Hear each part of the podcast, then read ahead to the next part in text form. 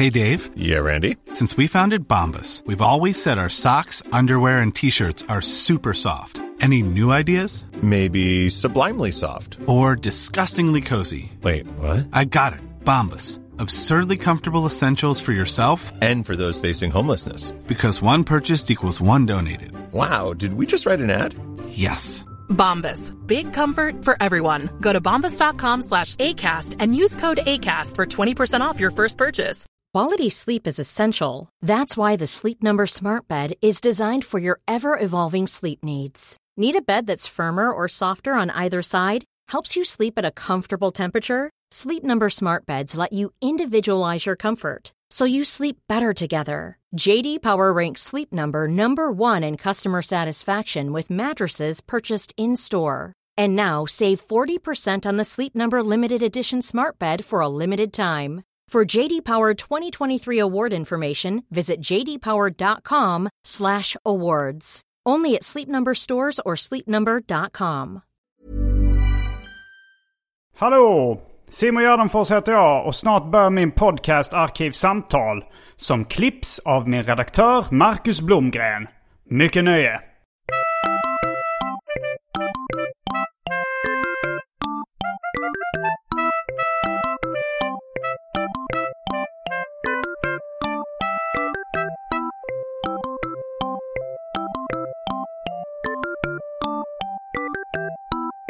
Hej och välkomna till Arkivsamtal. Jag heter Simon Gärdenfors och mitt emot mig sitter Essie Klingberg. Hallå, hallå. Välkommen hit. Tack. Jag ehm, har, brukar, brukar säga ditt efternamn fel. Jag kände en kille som heter Adam Klingteg. Så jag Ja. säger ofta A- Essie Klingteg, tror jag. Aha. Ja, ja nej, men det, det är en bra härskarteknik. ja, men, att även berätta att jag... Och du kommer fortsätta göra det.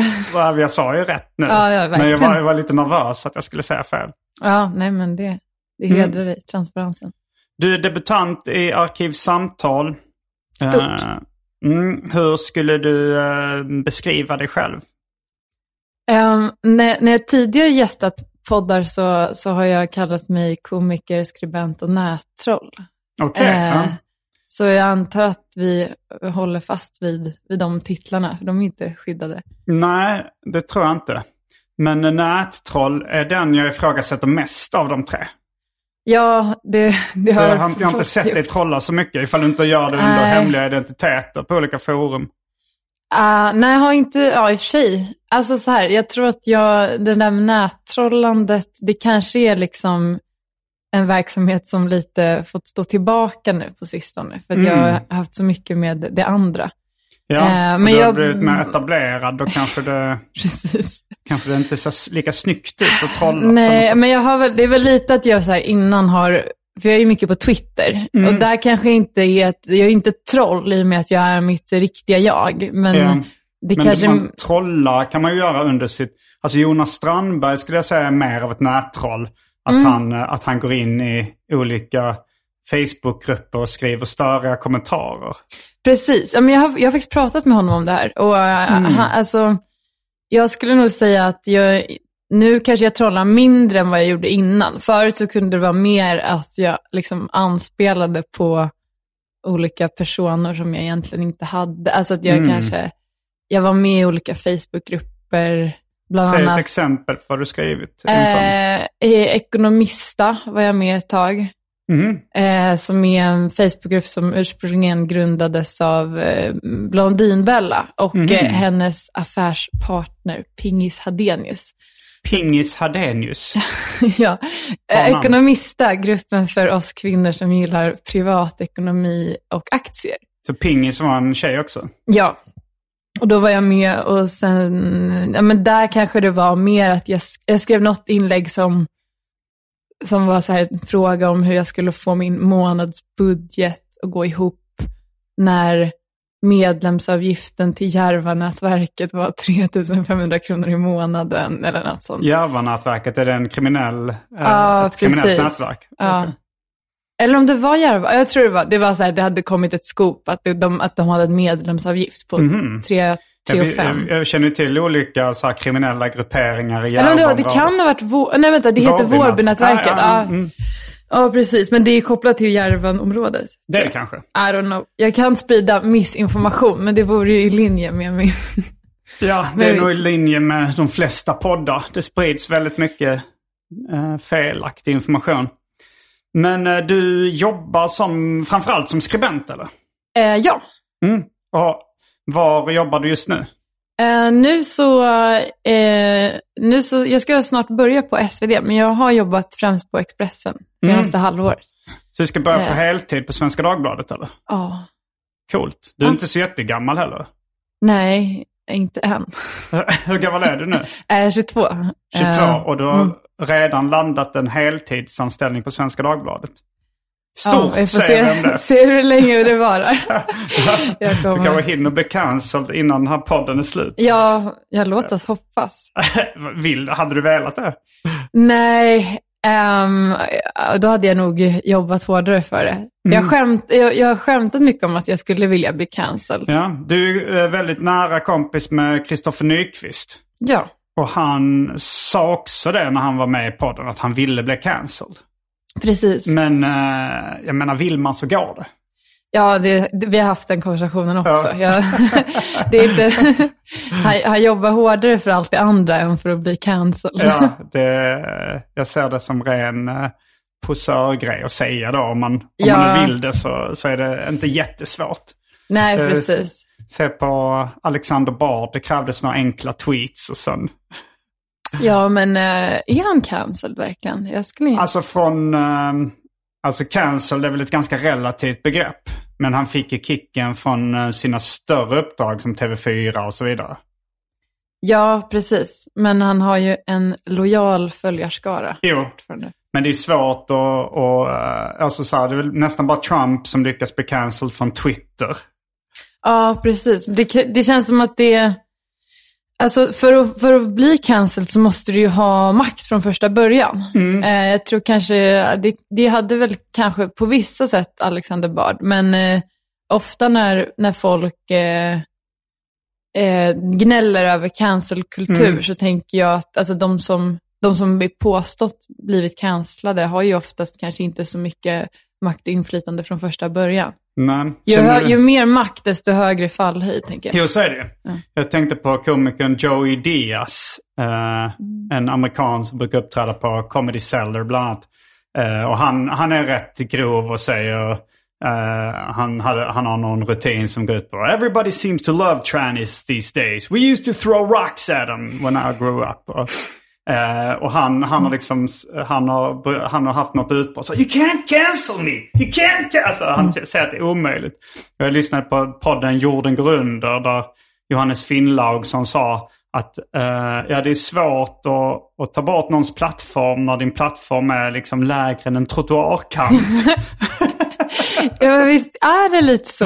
ja, ja alltså, men det var som, jag intervjuade ju din kollega Anton Magnusson eh, lite om cancelkultur och så. Och, Ja. eh, han, Det är han, Nöjesguiden som vi inte har nämnt att också jobba för. precis, ja. Får man jobba på, hm, alltså så här, du kan jobba på Nöjesguiden och SvD samtidigt. Men inte Expressen och SvD samtidigt. Nej, man kan inte, nej, alltså of, det är lite olika beroende på om man frilansar eller Mm. inte. Nu så har inte min tjänst börjat än.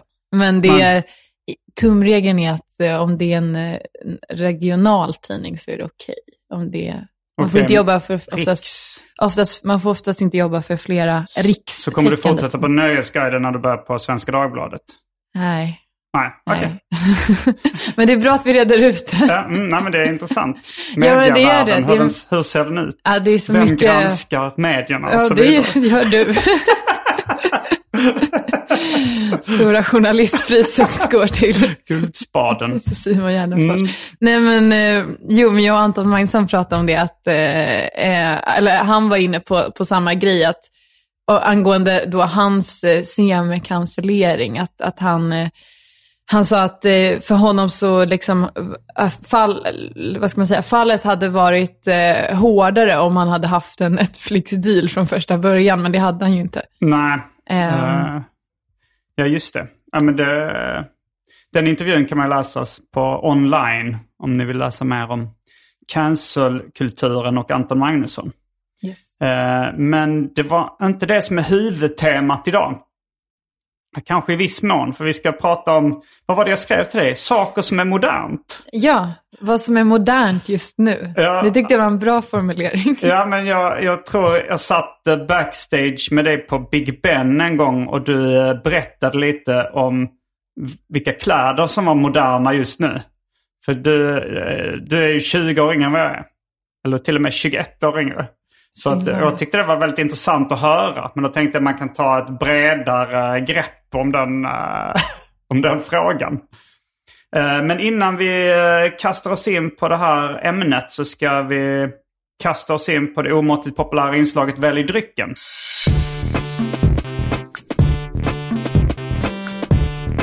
Jag tror vi börjar med det fasta inslaget Välj drycken! Och här kommer alternativen. Budweiser 3,5. Norrlands guld 3,5. Sweat. Jag vet inte, det är, det är en veteöl tror jag. Den bo, kanske borde uttalas sweet då. Men då låter Ja, det som söt. Hur stavas det? S-W-H-E-A-T. Oj, Sweat. sweet. Okej. Ja, ja. Pilot-IPA 6,0. Strong Zero. En alkoläsk med, utan socker men med alkoholprocent på 9,0 procent. Oj, jävlar. Två sorters Nicka whisky, bourbon, Hennessy, Grand Marnier, Dry Martini, vodka, rom. Drinken Hawaii Gay Club, Fanta Zero. Häxblandningen, det vill säga alla drycker som fanns i min kyl innan ni genomgick en så kallad corporate rebranding. Och för tråkmånsar och nejsägare, vatten. Ehm, jag tror det blir en Norrlands... Norrlands guld. Ja, Ja, intressant val. Ehm, det var väl det minst intressanta valet. nej, jag ja, det, det fan- bara det det, fanns- du säger, säger till alla gäster? nej, du, det finns ju inspelat så du kan ju höra att jag inte säger det till ens en bråkdel av gästerna. Men, eh, ja, men då tar jag nog en Budweiser 3,5. Eh, vill du ha Pröva. ett glas till din uh, Norrlands guld eller dricker du direkt ur burken? Jag dricker direkt ur burken tror jag blir bra. Coolt. Då är vi strax tillbaks med dryckerna kända från det omåttligt populära inslaget Välj drycken. Häng med!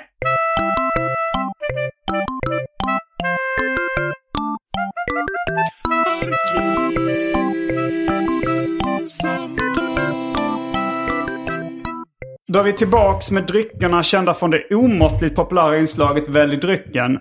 Essie har just uh, inte korkat upp utan Knäckt. brutit upp, knäckt en Norrlands guld. Och jag har korkat upp en Budweiser 3,5. Älmhult, Lund och Alvesta. Snart kommer jag till er och kör stand-up. Missa inte Pac-Man-SM i Borås 11 december och jag gästar även Janne Goes Rogan i Stockholm 18 december. Alla mina gig och info om det här hittar ni på gardenfors.com. In och boka nu! Och eh, då eh, så ska vi prata lite om vad som är modernt just nu. Och eh, ja, Essie, vad är modernt just nu? Nej, men jag tyckte det var roligt att du skrev det. Det var ju eh, med tanke på att jag tänker att jag inte har så bra koll på vad som är modernt just nu. Men det kan ju bli desto roligare. Mm, fast Eh, du är kanske lite hemmablind. Ja. Att du tror inte att du... För att jag tyckte att när du berättade om kläder och Mm. sånt där så tyckte jag att det var ganska på pricken. Liksom. För jag undrade lite över det. Ska vi börja med kläder? Ja, precis. För när, när vi, eller sen när jag började liksom fundera lite inför inspelningen så då, då bestämde jag att eh, det blir nog bäst att fokusera på kläder och humor. För det är nog det, det är där jag, humor. det är där Ja, jag känner mig mest hemma.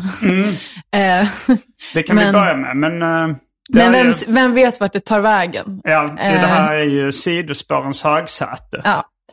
Eh, nej, men, men vi ska börja med kläder. Jag undrar vad det var du och jag pratade om då. Det kan ha varit ett tag sedan. Men... Ja, nej men det var väl... eh, eh, ja, det var, det var väl det var kanske tre månader sedan eller någonting. Mm. Jag vet inte om så mycket har hänt sedan dess. Jo, men det, det har det. Uh, nej, men att jag har ju skrivit lite om kläder. Ehm, Jag skrev en text för typ en, lite mer än ett år sedan som handlade om, eh, det är liksom, frågeställningen var väl varför allt är så fult nu för tiden. Eh, eller en lite spetsig frågeställning, men, men varför jag, jag tyckte samtidsmodet var väldigt fult och likriktat. Men då skrev jag främst om um, alltså influencermodet eh, och influencers egna klädkollektioner. Ja, jag Eh. följer väldigt få influencers, men jag brukar Ja. kolla vad folk har på sig på stan och sådär. Ja, precis. Och, men och då på tal om liksom, eh, vad som hänt sedan den texten skrevs så kan man ju säga ganska mycket har hänt. Alltså, då, då skrev jag, då, var väl liksom, då, då fokuserade jag ganska mycket på eh, de här, alltså streetwear-trenden. Och eh, att alla influencers gjorde då kollektioner som var eh, ganska mo- monokroma, hudnära färger. Alltså kanske beige, ganska tydligt inspirerat av Yeezy, alltså Kanye Wests märke. Det, är ju, det är gammalt, det är ju liksom 2014. Okej, Ehm. han hade mycket beige eller? Mycket, mycket beige och mm, svartvitt och eh, ganska, ja men olika nude eh, färger. Liksom. Mm, ja. Och sen så var det mycket att antingen så skulle det vara jättehudnära, alltså typ cykelbyxor. Men det är eh, inte hudnära för Kanye West. Då skulle det vara lite mörkare brun. Ja men det fanns också, det fanns Okej, allt, ja. hela spektrat. Alla Eh, hudfärger. Ja, precis. Det är bara du som tror att hudfärg betyder vit. Ja, men du sa ju beige nyss. Ja, men jag sa ju också att, att det, var, det var ett helt spektra av Okej, färger. ja, mm. Men det var, det var i alla fall eh, det var hudnära färger. Och sen så Mm. var det mycket, ja men jag tror vad, var det jag tog upp i den texten, ja men sådana croppade hoodies och... eh, Avklippta hoodies eller? Ja men precis. Och I sen... midjan eller? Ja, eh, och eh, alltså så här, det skulle jag säga, det är klart att jag menar många influencers fortfarande har på sig sådana kläder, men jag skulle inte säga att det är det som är modernt just nu, Nej. vilket var frågeställningen. Ja, Eh, alltså jag, om jag tänker på mer vardagsmode Ja. så bor jag här vid Mariatorget och det känns som att de runt 20 här är ganska modemedvetna. Och det var liksom en dag, det var kanske ett halvår sedan, så bara såg jag två tjejer med så här, eh, ja men, ganska ljusa blå jeans och svarta vanliga hoodies. Så att de var klädda exakt likadant. Och sen bara gick jag runt hörnet så såg jag fem stycken med exakt samma uniform. Och eh, nu när jag var i Malmö som kanske ligger lite efter så bara såg jag en hel familj. Alltså det var inte hoodies då utan det var liksom eh, svarta överdelar i allmänhet. Att det var som jackor och västar och kanske liksom sweatshirts och sånt där. Men liksom blå jeans och svart överdel. Det bara dominerade stadsbilden. Ja, nej, men det är ju väldigt tråkigt. Det, Ja, det är man, det är objektivt tråkiga kläder. Och det var väl det som... Ja, men det är kul att du noterar det, för det är väl lite det som texten tog avstamp i, att det är så otroligt eh, tråkigt. Och, och då var min fråga var så här, är det, har, har modet blivit mer likriktat, eller är det här bara min gnällkänsla? Jag tror att uh, ja, men det som ibland kallas normcore. När jag, jag läste liksom en intervju med Larry David. Jag läser inte ofta modetidningar och sånt. Men det var liksom, jag, jag köpte den, eller nej jag läste den online. Men det var för att uh, liksom, jag ville läsa den intervjun. Men då var det liksom GQ eller någon sån modetidning. Och då var de tvungna att hitta en modevinkel på det hela. Så då liksom målade de fram honom som en normcore-ikon. Eh, liksom. Och det tyckte jag kändes väldigt krystat. Att så här, nu är det en modetidning, de vill göra en Larry David-intervju för att han var aktuell då.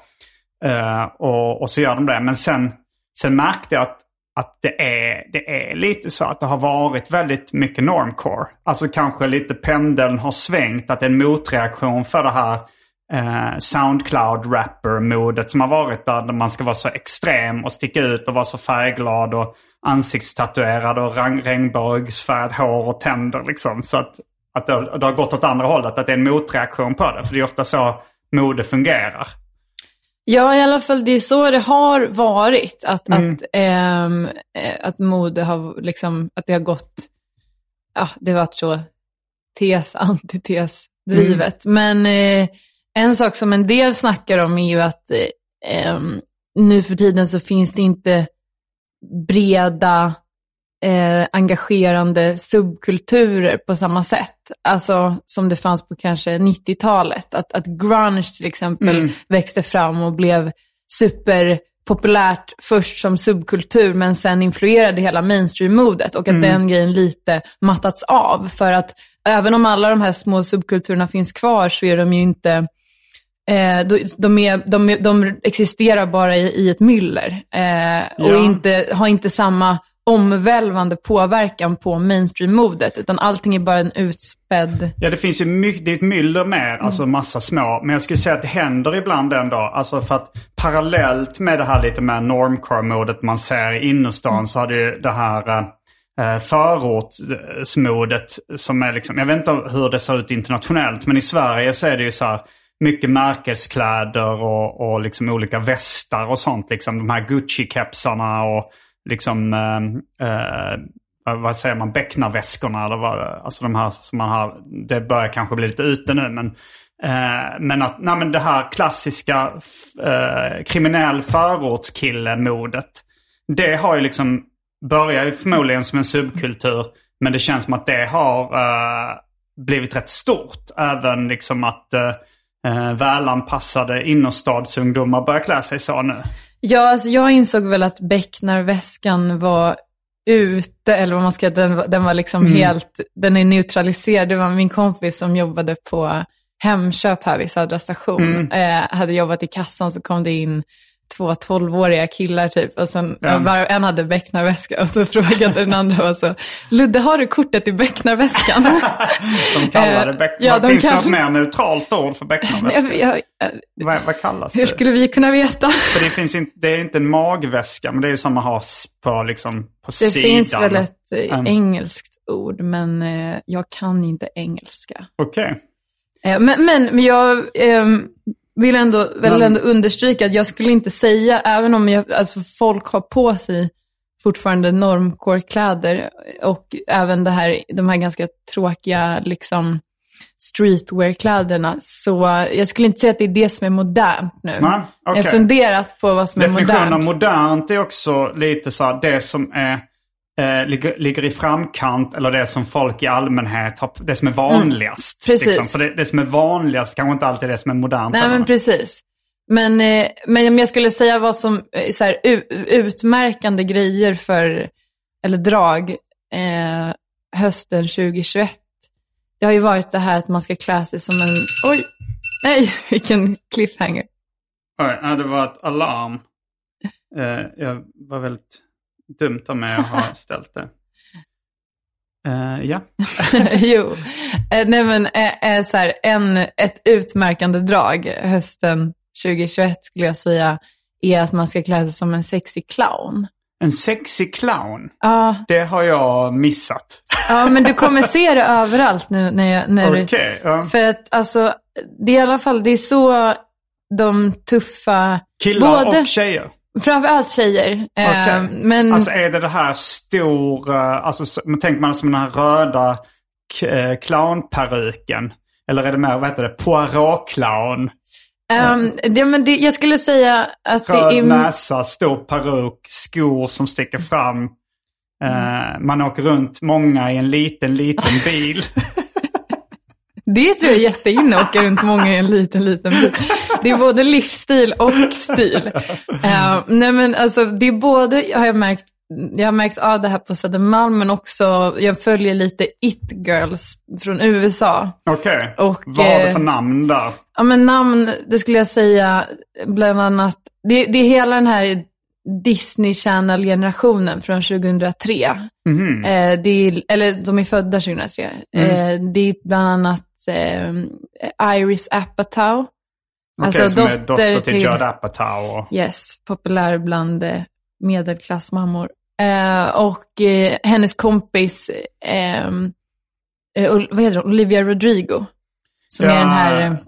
eh, är det Rodrigo eller Rodriguez? Eh, Ja, eh, Rodrigo, ja, men hon har väl toppat eh, listorna. Man har sett lite posers och så. De är ju bästa, bästa vänner. Mm, och... Eh, eh, Var Apatow dottern på Disney Channel också? Nej, men hon har ju varit skådis. Hon har ju spelat i Mm, ja. bland annat sin pappas serie. Ja, eh, och, och sen så har de lite diverse hangarounds som Mm. de liksom ja, rör sig med, som jag också går in och scrollar i feeden hos.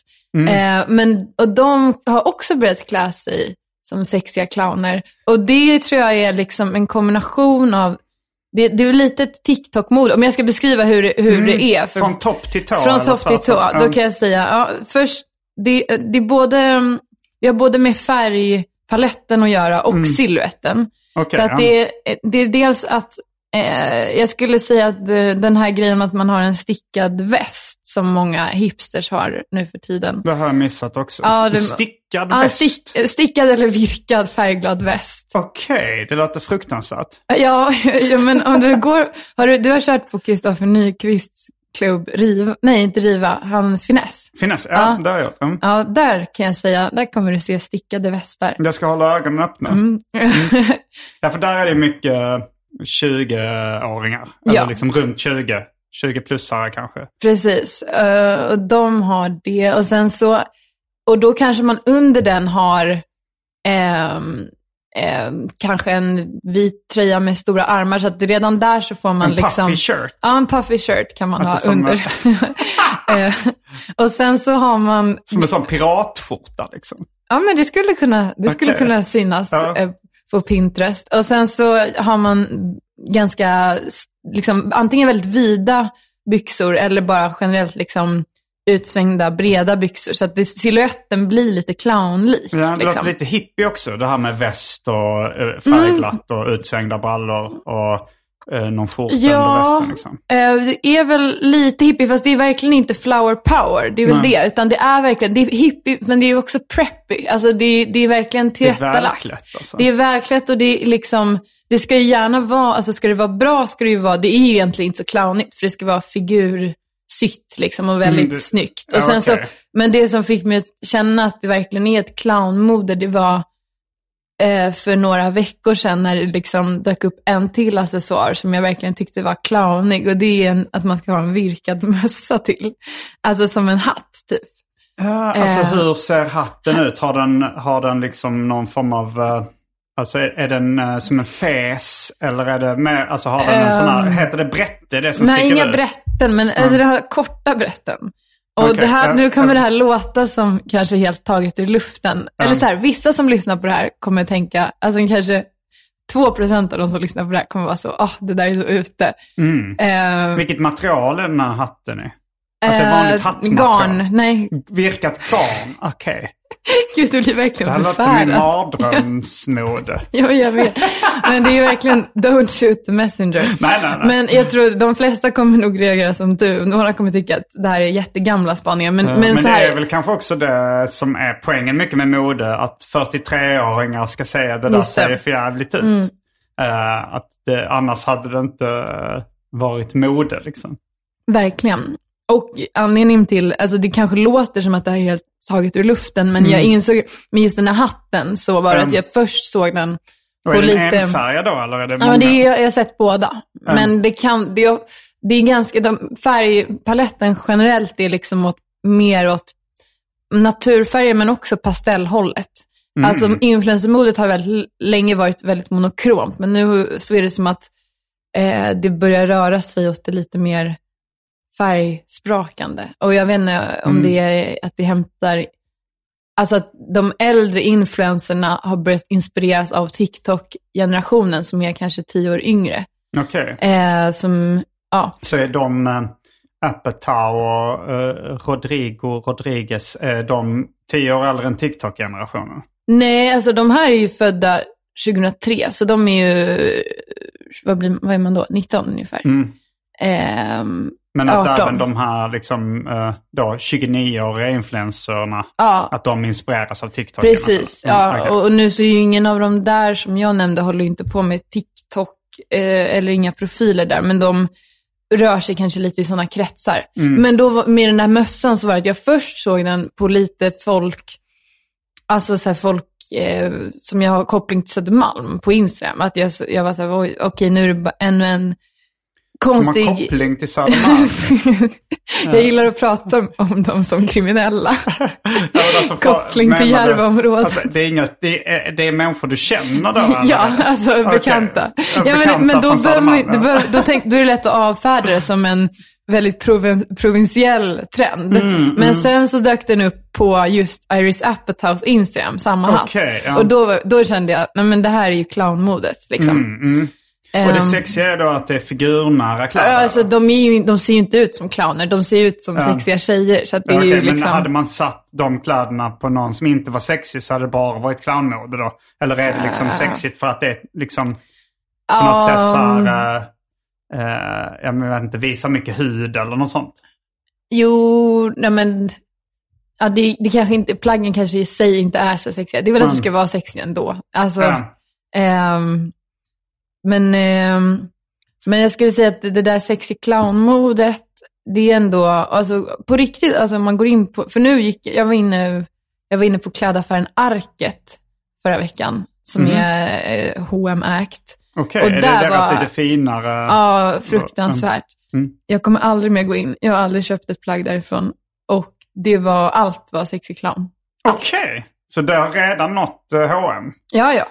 Då har det, Eh. det kanske går snabbt. Ja, de sitter ju säkert... eh, De, de är inte långsamma. De, de vill väl gå med vinst antar jag. Barnarbetarna är flinka i fingrarna. Iris Apatow behöver sina sexiga clownkläder. Mm. Eh, ja, men Eh. intressant. Då, eh, då, eh, ja, men då, för att liksom nu skulle jag säga att det som dominerar stadsbilden mest är normcore. Men det kanske Just är det. då att, eh, att sexy clown kommer uh, sippra ner till liksom stadsbilden Mm, Verkligen. inom kort. Verkligen. Och de går typ ganska mycket hand i hand. Alltså, sexy clown är ju bara som en spin-off på streetwear-modet. Alltså det är fortfarande ganska nära det, skulle jag säga. Mm. Eh, Vad tror du om eh, de här liksom eh, vanliga jeansen som är lite ljusblå? Eh, är det, för det, det, det, det är det som liksom jag tyckt var tydligast modet. Och då pratar vi liksom... Alltså de lite är li- illasittande. Lite Det- illa, alltså de är stora. Det är antingen så här lite mom jeans eller utsvängda eller vida byxor. Pratar Jag vi. kanske inte så utsvängda utan jag tänker mer, alltså jag, när jag gick i högstadiet så hade ju folk också sådana jeans. Mm. Men det kanske är någon retro-grej då från liksom 90-talet.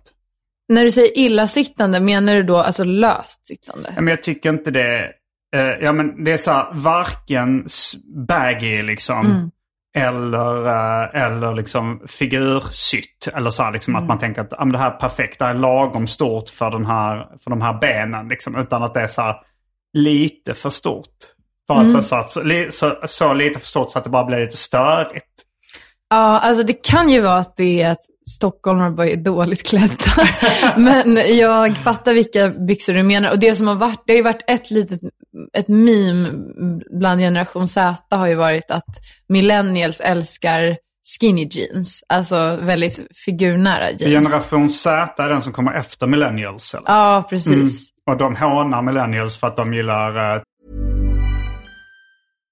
Hey, Dave. Yeah, Randy. Since we founded Bombus, we've always said our socks, underwear, and t shirts are super soft. Any new ideas? Maybe sublimely soft. Or disgustingly cozy? Wait, what? I got it. Bombus. Absurdly comfortable essentials for yourself And for those facing homelessness. because one purchased equals one donated. Wow, did we just write an ad?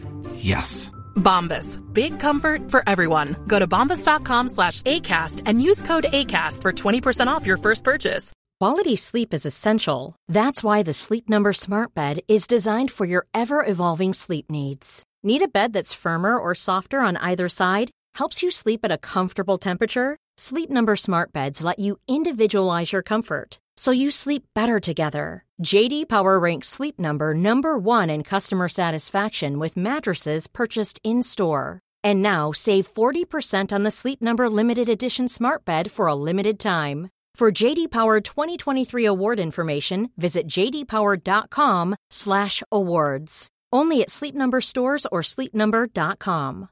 This is Paige, the co-host of Giggly Squad, and I want to tell you about a company that I've been loving, Olive and June. Olive and June gives you everything that you need for a salon quality manicure in one box. And if you break it down, it really comes out to $2 a manicure, which is absolutely insane. It's also so easy to get salon worthy nails at home with Olive and June. The difference between how your nails used to look when you did them yourself and now with the Manny system is a complete game changer. The best thing about Olive and June too is it's a quick dry. Dries in about one minute, lasts for five days, and full coverage in up to one to two coats. Visit oliveandjune.com slash perfectmanny20 for 20% off your first system. That's oliveandjune.com slash perfectmanny20 for 20% off your first system. Skinny jeans. Ja, alltså och det är liksom, det, det är den, det är, det är den vassaste förolämpningen man kan få, att man är liksom en millennial För med du är skinny en jeans. millennial. Nej, jag är ju generation Z. Är alltså det. traditionellt så, så tror jag, eller jag vet inte, det där är ju liksom bara, Jag tror Eh. jag är generation X. jaha, vilket år är du född? 78. Ja, visst är det 70-talister i generation X? Mm, jag har kollat Om- upp det. Det är lite olika definitioner. Ja. Men jag tror jag eh, är med i den. Ja, för då är ju grejen att millennials, jag är i alla fall inte, alltså man brukar säga att generation Z är typ, jag tror det är 95 år framåt. Mm, och jag är mm. född 99. 99. Eh, så, eh, men, eh, men det är ju lite godtyckliga gränser. Men, men då så, då är ju att man mobbar då generation, eller millennials för att de har så Ja, det, det känns så... Det, det känns som det går så snabbt. Alltså, jag, jag tänkte att liksom... Att millennials eh, då har blivit någon form av boomer-skällsord. Liksom att, att de är den gamla generationen som man nu mobbar för att de har, är ute liksom. Ja, jag har ju verkligen varit delaktig i den mobbningen.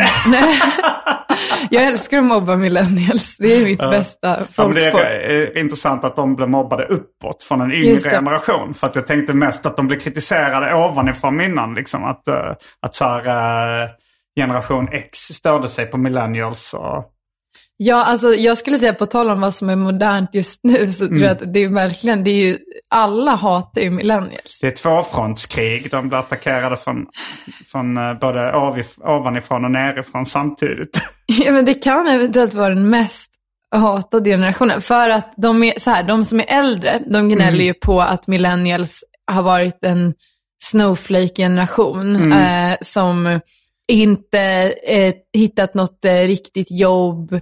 Alla vill bli grafiska designers och de kan inte köpa bostadsrätt för de köper bara avokadomackor för alla Ja. sina pengar. Det har ju varit den boomer-kritiken mot Eh, millennials. Generation Wuss kallade eh, han. Han, vad heter han som skrivit American Psycho och de böckerna. Mm. Just Alltså det. Bret Easton Ellis. Han, har, han har skrivit en artikel om Generation Wuss, att de är töntar liksom. Men, Precis. men millennials är väl då liksom, det känns lite som vår tids 40-talister. Som var, alltså som är så otroligt hatad generation liksom. För, Men också gemensam nämnare att de är curlade, för det är det. Att, att uh, millennials... Bortskämda då liksom. Ja, men precis. Och, och det var ju boomer-generationen Mm. också. Eh, Men, men det är det som är kul, för generation Zs kritik mot millennials är ju lite lik där. Att det är ju Mm. också, det att generation Z är ju en väldigt, skulle jag säga, en ganska de- desillusionerad generation. Mm. Eh, alltså att man är ju, ja, jag vet inte, särskilt nu blir det ju extra mycket så i och med att många generation Z har ju varit, spenderat merparten av sin ungdom hemma eftersom att det varit pandemi och så. Mm. Eh, men, ehm, men, men generation Zs kritik mot millennials är ju också, det, det är liksom dels att de är lite lättkränkta, men det är ju generation Z också i och för sig. Eh, Du är generation Z. precis. Och jag, men jag upplever nog att det har hänt lite att, eh, att ja, men, eh, jag träffar en del liksom, komiker eh, i generation Z på Big Ben och sånt. Och att, fast det är kanske skillnad på komiker för att de verkar inte vara lättkränkta för fem öre. Nej men precis, Nej, men det jag menar, jag tror ändå millennials som generation är mer lättkränkt än generation Z. Och sen så handlar det också, Men de det blir var också också mobbade. peak woke var ju liksom mer när millennials var liksom i rätt ålder. Precis, och så blir de också mobbade för att de inte, alltså de aldrig får ordning på sitt liv. Att det är en, det är sån klass, att alla millennials bara går runt och eh, lever på som att de eh, är 20, fast de är 35. Medan generation Z är lite mer lillgammal generation. Att du får fast anställning på Svenska Dagbladet när du är 22. Det är typiskt din generation. Jag vet inte om det är så typiskt. Nej, det går ju i linje med det du just sa i alla fall. Men... ja, precis. Ja, kanske. Um, men uh, det är ju, ja. Mm. Jag tyckte det var intressant också att höra lite, jag tror vi snackade om det då uh, på Big Ben, lite vilka hjältar som finns i, alltså du nämnde ju liksom Bo Burnham som en hjälte för din generation. Gjorde jag det? Ja, det, det, var väl liksom, det var väl du kanske och David Asp och Kristoffer Nyqvist som snackade om. Du sa att din lillebrorsa hade sett hans nya Just special det. två, tre gånger och liksom visade den. För, Ja. Och, eh, Sen dess har han sett den 20 gånger till. eh, Ja, nej men det där är intressant. Jag själv är ju inte alls ett Bo Burnham-fan, men jag Nej. tycker ju att han är, alltså han är ju bra. för Eh, han är väl eh, liksom, hur gammal är han? Han är ju ändå, han är ju inte, han Nej, är, han är, är väl- äldre än den. han, i, I sin special nu så fyller han ju 30. Han ställer Ja, ju en det. klocka. Mm. Så att han är ju, precis. Han är ändå... Då är han eh, 91. eh, Eh, men så kan det ju vara att, eh, att även liksom äldre blir hjältar från yngre generation. Men eh, Ja, och i Bo Burnhams fall så tror jag verkligen det har att göra, alltså, där är det ju jättemycket att många av de som blivit golvade av hans special, det är ju dels, det är ju dels kanske boomers som inte kollat på stand-up eh, eh, och som blir chockade över att det kan vara hantverksskickligt gjort typ. Mm. Och sen så är det ju mycket, ja men som min, min lillebror som är eh, 17 kanske, som, Mm. som är lite mer, ja men han hänger på TikTok och så. eh, Och de, ja, jag vet inte, jag, det har varit ett enormt genomslag. Och jag tror Bob att, Burnham har haft ett enormt genomslag bland 17-åringar. ja, och yngre tror jag också. Ja, okej, ja. eh, och jättemycket har jag sett på TikTok också, att Mm. eh, han har ju verkligen blivit eh, helgonförklarad där. Mm. Eh, och jag vet inte, men det som jag tyckte var mer typiskt, um, alltså för ja, men tidigare generationer, inte bara för mig utan det känns som historiskt sett så har liksom någon hjältarna varit rätt mycket re rebelliska och ganska mycket punkiga. Alltså det här skiter i allt. Men Bo Burnham och ganska många liksom i hans generation ber väldigt mycket om ursäkt för sig själv och sitt eget beteende. Och det är på något sätt eh, eh, går inte riktigt i linje med liksom rebellmyten eller punkmyten.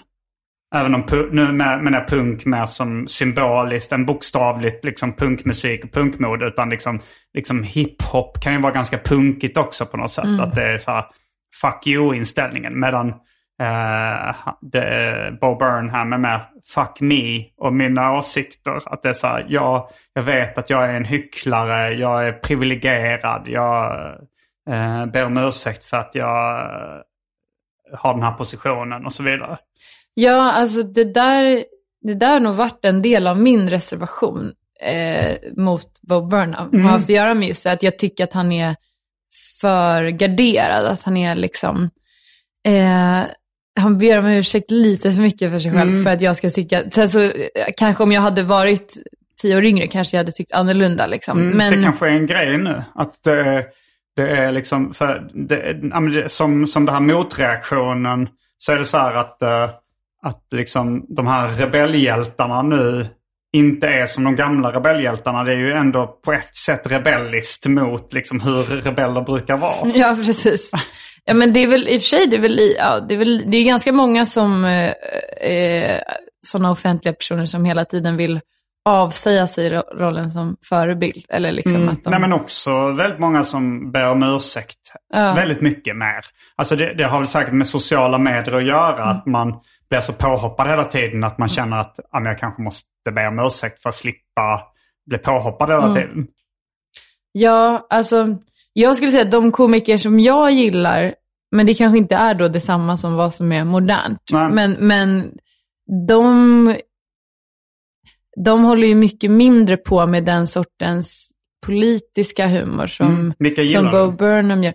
Jag försökte fundera in, inför det här Mm. och ehm, just nu så gillar jag Alltså det är väl mycket så New York-baserade komiker och, som, och jag skulle säga deras gemensamma nämn, typ eh, en, en som heter Rachel Sennett, som är, hon är kanske lite mer i min ålder. Mm. Eh, Aldrig, eller jag tror inte jag har sett henne. Det, hon har, alltså, det finns bara ganska lite på internet. Men, eh, hon, och är, är också, ny eller? Ja, fast hon, är också, hon, hon skriver mycket också. Och, Mm. så. och det, det skulle jag också säga ringar in alla de som i, i hennes generation, det är många liksom eh, multikonstnärer eller vad man Mm, ska säga. Att man kanske både håller på med stand-up och eh, skriver och, Ja. eh, eller gör musik eller whatever. Men, eh, men alla de skulle jag säga, eh, de skämtar mindre, om man jämför, då, om man jämför dem med, med den sortens liksom Bo Burnham-komiker, så de skämtar mindre uttalat politiskt. Eller Mm. liksom, det finns inte kanske en så tydlig så här, eh, Och då är inte Bob Burnham jätteuttalat politisk. Nej, men fast det är ändå att han har liksom en hel låt som handlar om hans privilegier kanske. Ja, absolut. Jo, Och de- och- med. Ja, det är, Det är ändå att det en- finns liksom hela tiden närvarande. Mm, Och, mm. men jag skulle säga de här komikerna, de skämtar mycket mer bara, det är typ de, dels mindre samtidsspaningar generellt och Mm. mer bara utifrån sin egen roll som komiker. Alltså att man skämtar om sitt liv. Alltså ju sitt väldigt- privatliv. Sitt roll. privatliv och att det är väldigt att det är självbiografiskt. Liksom. självbiografiskt. Och, och, och jag, jag vet inte om det, det liksom kan väl dels ha att göra med, tror jag, att eh, jag tror ändå att samtidshumorn blev lite mättad av, av det här politiska, kanske Mm. under Trump. Att man, man blev lite mätt på det. Ja, absolut. Ju, ju Ehm. mer eh, liksom uppenbart fel någon gör, desto, mer, desto lättare är det ju den uddlösa satiren blir liksom mer nära till hands när det är uppenbara fel. Liksom. Ja, verkligen. Och jag upplevde det, eh, alltså när, i början av, av Trumps presidentskap så Mm. Eh, då brukade jag kolla på liksom alla sådana här late night shows och Mm, The Daily Show. Men jag var ju tvungen, alltså det blev ju odrägligt. Alltså jag, kunde inte kolla för det Mm. var för tråkigt. Och det var som varje dag var att kolla på, det var som att kolla på en föreläsning. Ja. Ja, men det är Eh, intressant för det känns ju som att det har gått lite... eh, ja, men, jag, jag har varit väldigt inne i tecknade serier och sådär. Och på 90-talet så var det eh, mycket självbiografiskt. Och eh, det var det jag liksom växte upp med och gillade. Och sen blev det mer politiskt och satiriskt och samhällskommenterande liksom. Men eh, det, det gör mig glad om, om stand-upen går åt motsatt håll nu. Att det går från det politiskt satiriska till det självbiografiska. Ja, men jag tror, jag vet inte om det här bara är önsketänkande eller om det är att alla, alla som jag gillar är i den genren. Men jag, jag, jag upplever ändå att det verkar vara det som är hett och inne. Och sen när jag började tänka på även svenska komiker, alltså som, de som jag har sett och gillar nu, liksom som man ser på Big Ben och så, de, det är inte så oftast så uttalat politiskt anslag i humorn så, utan det är ju mer att det är utifrån att man skämtar utifrån sin egen persona. Liksom. Mm. Eh, och, och det är ganska lite att det ska vara ett, ett tydligt uppbyggligt budskap. Mm. Eh, Ja, det, det är ju jätteskönt att slippa det tycker jag. Det känns för mig är det väldigt uppenbart att det är bara jobbigt när det ska Ja. vara så här en tydlig politisk agenda i eh, ett, uh, ett stand-up-sätt. ja, Men det kanske, kanske har att göra med lite personlig smak. Jag har hört dig, alltså när vi, om vi går ta, pratar om serietecknare så har jag hört dig prata om Mats Jonsson. Men jag har inte hört dig prata om Liv Strömquists serie. Just det, men jag har ju läst båda och gillar båda. Men, Ja. eh, men det kan nog, som du säger, det kanske är lite vad man, vad man dras till också. Mm. Men eh, ja, det finns... Det finns Vilka mer amerikanska komiker? eh, eh, eh, men jag gillar typ eh, Joel Kim Booster, har du sett honom? Nej. Han är... Det tar han är rätt och lång sig- tid för mig att liksom kolla upp någon. Då ska jag ha hört det ett par, tre gånger Ja, innan. men samma. Men, Mm. men han är ju också, han är i och för sig millennial, men, eh, men han jag skulle ändå placera honom i den kategorin. Han skämtar mycket utifrån, Vad hade han hette han i förnamn sa du? eh, alltså Joel. Joel. Joel Kim Booster heter Kan han han. ha Kim i mellannamn då eller? Ja, men han är asiat, men det är Okej. sig, han är adopterad, så det är ju är konstigt att det skulle påverka. Jag bara tänkte som Kim Jong-Un, att det kanske var ett sånt släktnamn. Nej, men eh, han, han, är, han är kanske egentligen tillhör samma generation som eh, Amy Schumer och dem. Eh, Okej. men, men, jag tror, men jag skulle inte placera honom alls i den kategorin när det kommer till hans humor. Han skämtar väldigt, alltså han skämtar typ bara utifrån eh, hur det är att vara så här, o, en odräglig bög. Typ. Mhm. Eh, han har en rutin som är väldigt rolig som, som heter eh, Knowing you're gay before knowing you're asian. som handlar om när han blev adopterad och han inte visste att han var asiat. Men nu när jag tänker efter så liksom de eh, stora amerikanska komikerna som när jag började med stand-up 2013 var ju kanske då liksom Louis CK, Bill Burr och Sarah Silverman. Alltså de som var poppis bland komiker framförallt kanske. Och de är ju väldigt självbiografiska, utgår från sin persona snarare än att ha en tydlig pol- politisk agenda. Sant. Eh, Men kanske i Sverige så var det kanske lite vanligare då med det här politiska. Om liksom Magnus Betnér var en väldigt tongivande komiker som hade mer en eh, men, politisk agenda. Och, och Schyffert också var lite mer politisk. Och kanske Nour El Refai och sådär. Precis. Nej men det är så här, det är såklart, alltså det är ett myller. Eh, Jag tror Mm. verkligen att alla de här grejerna, de, de samexisterar ju med varandra. Men, eh, men eh, jag, jag tänker utifrån vad som, vad som känns som att det står högst i kurs också. Mm. Alltså, och, och nu så känns det som att, eh, ja, men, eller så här, till exempel, jag tycker den, den komiker som kanske är mest så nu i Sverige, som bara skämtar så utifrån sig själv, det känns som Jonathan Unge. Ja, Jonathan Unge är ju den liksom komikern som kanske är creddigast just nu.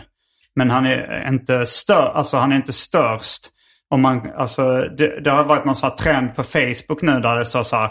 Eh, skriv din favoritkomiker och, och tagga hen i ett inlägg och se ifall hen svarar. Ja, just Och då, jag bara scrollade igenom Jag blev det. bara taggad en gång och det var en kompis. Vad sa du? Jag blev bara taggad en gång och det var min kompis.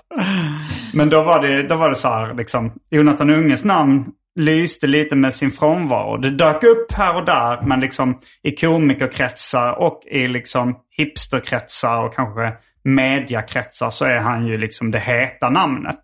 Det. Men fortfarande, alltså de namnen som återkommer mest är väl så här, fortfarande Robert Gustafsson och eh, Henrik Dorsin och Johan Glans och, och Babben liksom. Eh, de, de, och Fredrik Andersson har letats in också som ett, eh, ett stjärnskott. Han, han har jobbat väldigt mycket med sociala medier på sista tiden och lyckats Just liksom, det, eh, få ett nytt break.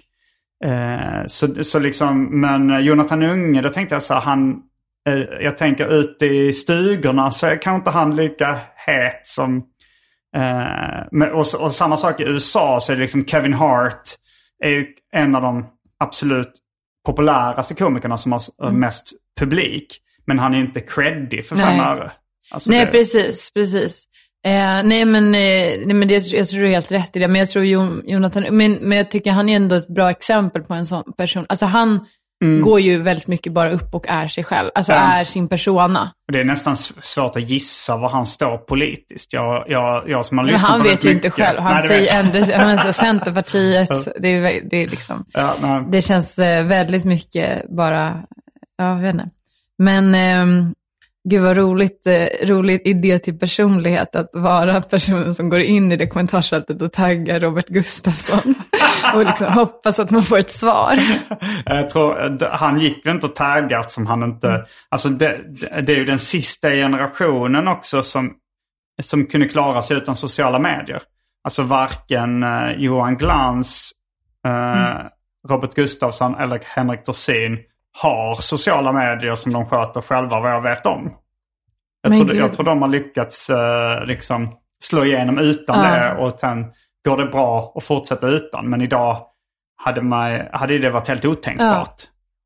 Verkligen. Och Det där kan jag tycka är svårt eh, som komiker. Eller att jag, jag menar nu så råkar jag ha en ganska hög sociala medienärvaro som det är. Men jag menar, Mm. jag, jag, eh, jag tycker ju att stand-up, eh, det är något som ska förpassas till källarlokaler. Det är, görs, det är ganska svårt att få stand-up att kännas okej i något annat sammanhang. Alltså typ om man lägger upp det på Instagram och så. Mhm, mm. Eh. Ja, det gör ju sig mycket bättre i, alltså live. Ja, precis. Och, eh, jag, eh, ja jag vet inte, jag, jag kan ju liksom lägga upp om jag ska gigga någonstans, men jag lägger ju inte upp några klipp. Några skämt. Nej. Nej men du, du har hållit på lite för kort tid Ja. också. Alltså så om du, om du ska göra en stand-up-föreställning då är det dumt att bränna de skämten online så att folk som Precis. går på showen redan har sett skämten.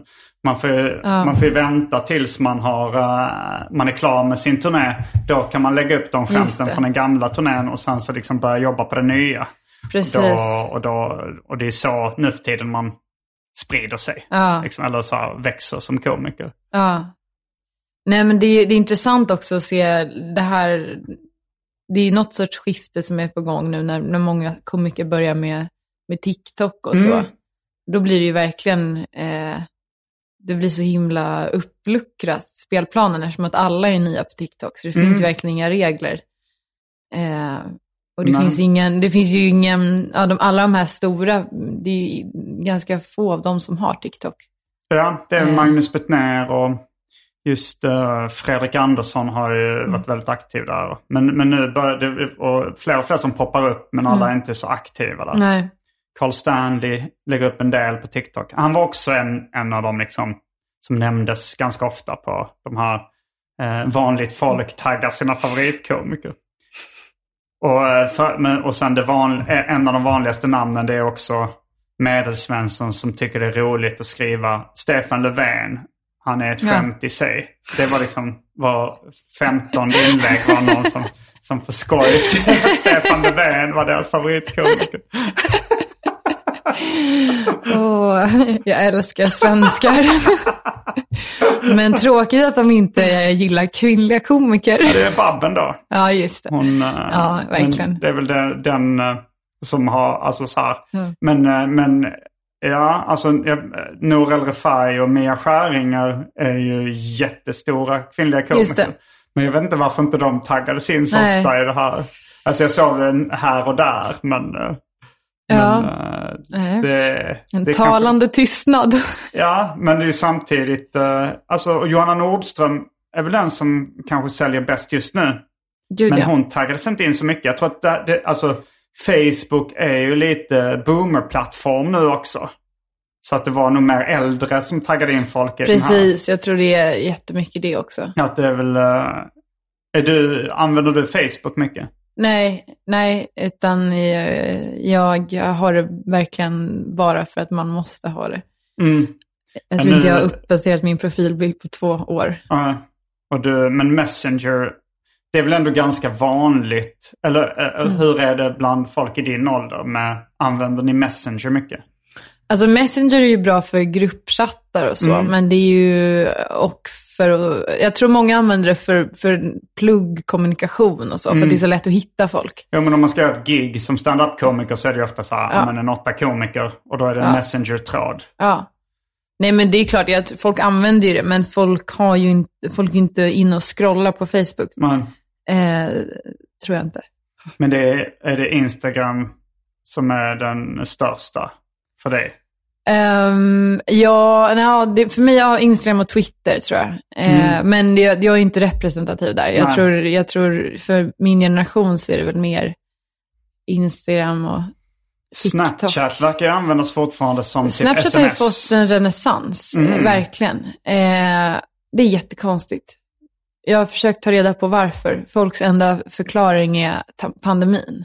Mhm. Att det är liksom, eh, att det är ett, ja men det är ju som liksom, det är så himla, men jag tycker det är konstigt för om, om man, då kan man ju lika gärna använda, Instagram har ju en Snapchat-funktion i princip. Ja, alltså stories. Ja, och att du kan skicka direktmeddelanden som försvinner direkt, Mm. alltså bilder. Eh, så jag förstår inte varför man ska använda Snapchat. Nej, alltså jag, jag försöker liksom nå ut på alla när jag har gig och sånt där. Så jag har kvar ett gammalt Snapchat-konto som inte är så jätteaktivt. Men när man går in där så är det lite som en skvallertidning också. Alltså så här, när man, när man swipar vänster så kommer man till en sån liksom internationell typ Hänt Extra-sida. Det är så Där- konstigt. Ja, men den kan, då är den så här, men då kan man hänga med lite om vad Da Baby har gjort på sista tiden. Eller liksom så här, vilka, vilka, ja men så här, 6 9 senaste fängelsedomar och sånt där. Eh, så jag tycker det, alltså jag läser lite där liksom. Så här, ja men okej, ja nu har Ka- Kim Kardashian varit på en dejt med Pete Davidson. Just det. Så det, det får jag reda på där. Men det känns som att det är rundgång. Det är bara de nyheterna om och om igen. Alltså, Jo, det- är det. Det är väldigt upprepande. Ja. Men samtidigt så har uh, Andrea, min flickvän, hon eh, har inte Snapchat. Så hon, alltså så när jag sa något sånt där, nu ska Kim Kardashian och Kanye West skilja sig. Så frågade hon, var läste du det? Då hade Ah. hon missat det, för hon kanske inte följer, Nej. hon läser inte Aftonbladet heller. Liksom. Men, och det kanske inte dök upp i hennes flöde Nej. på, eh, på Insta eller, hon använder inte Twitter Nej. heller. Liksom. Hon kan mest ha Insta och, som sin sociala plattform och Facebook i viss mån.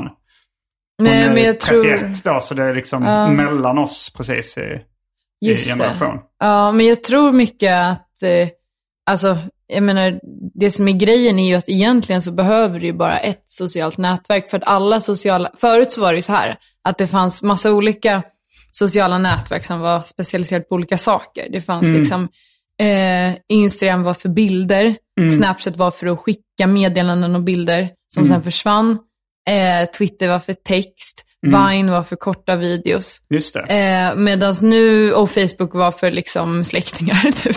Och sen så medans nu så är grejen att alla nätverk har approprierat varandras funktioner. Så Instagram har nu med- meddelande och att du kan skicka, du kan göra stories som du från början bara kunde göra på Snapchat. Du kan skicka eh, bilder som försvinner. Och jag såg något sånt meme som var så här, eh, typ att t- Twitter has become Instagram and Instagram has become a mall, typ.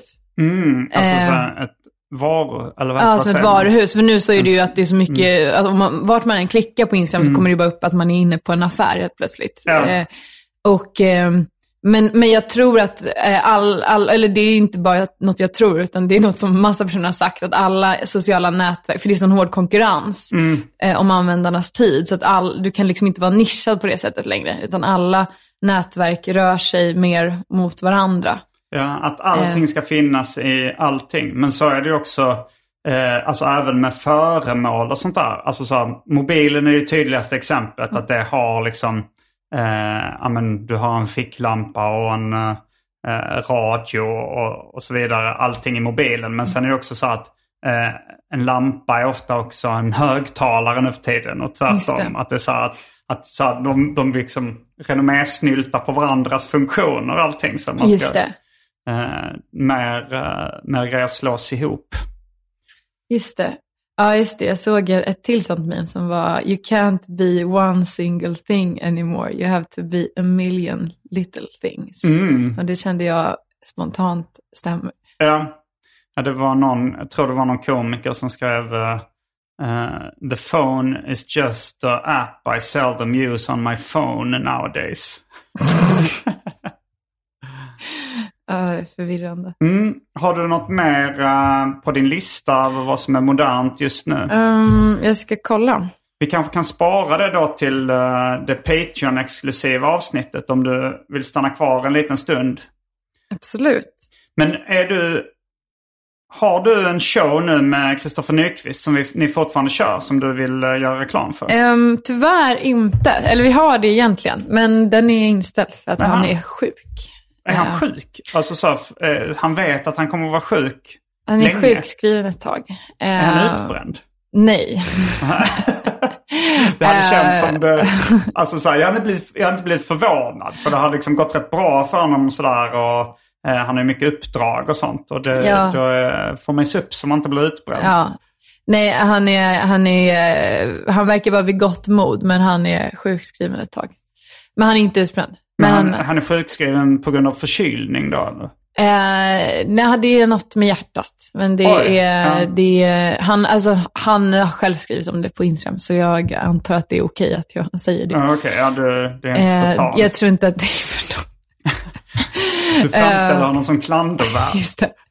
Det hade varit värre om jag bara liksom var så, Kristoffer, det, det blir ingen föreställning. Alltså att jag bara insinuerade massa grejer. Ja, men, jag eh, trodde att han var sjuk bara som förkyld när jag sa att någon show var inställd. Men eh, nej, men han, jag, han har ändå skrivit att, men det är, ja, Men eh, så tyvärr inga gig upp. Inga gig, okej. Eller jo, jag giggar ju ändå, men inte någon egen föreställning. Okej, man får följa dig på sociala medier då för att eh, ta reda på var du giggar. Ja, Och så kan man läsa dina texter på Twitter och i eh, Nöjesguiden, Svenska Dagbladet och Expressen i viss mån fortfarande. Facebook. ja, jag vet inte om du skriver texter där så ofta, men Nej, det gör du kanske inte. nej. Nej. Eh, nå- ja, men då, då kanske vi bör runda av så smått. Jag får tacka dig för att du var med i detta ordinarie avsnitt av Arkivsamtal. Tack för att jag fick komma, men det, de stora skopen kommer i det Patreon-exklusiva. Okej, ja men det, det är en bra, eh, en bra lock, det lockar till köp. Ja, köp det, det ska köp. handla Dona mer om... frivilliga donationer. Just det, just det. Just det. Men det, det, jag kan ju säga, det jag kom på var det var som jag inte hunnit ta upp. Och det handlar om lite mer om, om internethumor. Du frestar med lite internethumor, scoops, i Yes. vad som är modernt just nu. Yes. Ja, jag är idel öra. Varje vecka så släpper jag ett bonusavsnitt av den här podden exklusivt för er som donerar en valfri summa per avsnitt på patreon.com arkivsamtal. Patreon.com arkivsamtal alltså. Det finns redan över 40 exklusiva avsnitt som du får tillgång till. Så det är mycket kul för valfri slant. Vill du bara vara schysst och säga tack för åratal av underhållning så kan du även swisha en slant på 0760 72 47 28. All denna info finns även i avsnittsbeskrivningen. Och glöm inte att följa mig på Instagram och andra sociala medier. Där bjuds det på gratis skämt och mycket annat. Eh, det var allt från den här veckans avsnitt av Arkivsamtal. Jag heter Simon Gärdenfors. Jag heter Esse Klingberg. Fullbordat samtal.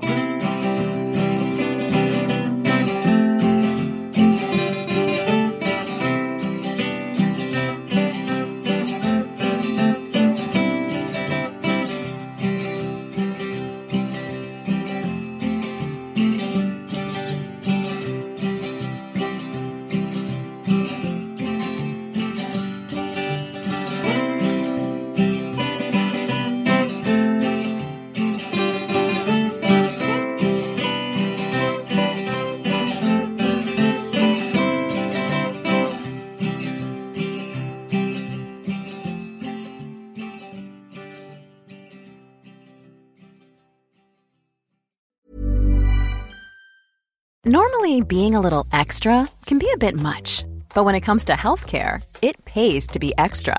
And United Healthcare makes it easy with Health Protector Guard fixed indemnity insurance plans. Underwritten by Golden Rule Insurance Company, they supplement your primary plan, helping you manage out of pocket costs without the usual requirements and restrictions like deductibles and enrollment periods. So when it comes to covering your medical bills, you can feel good about being a little extra. Visit uh1.com to find the Health Protector Guard plan for you.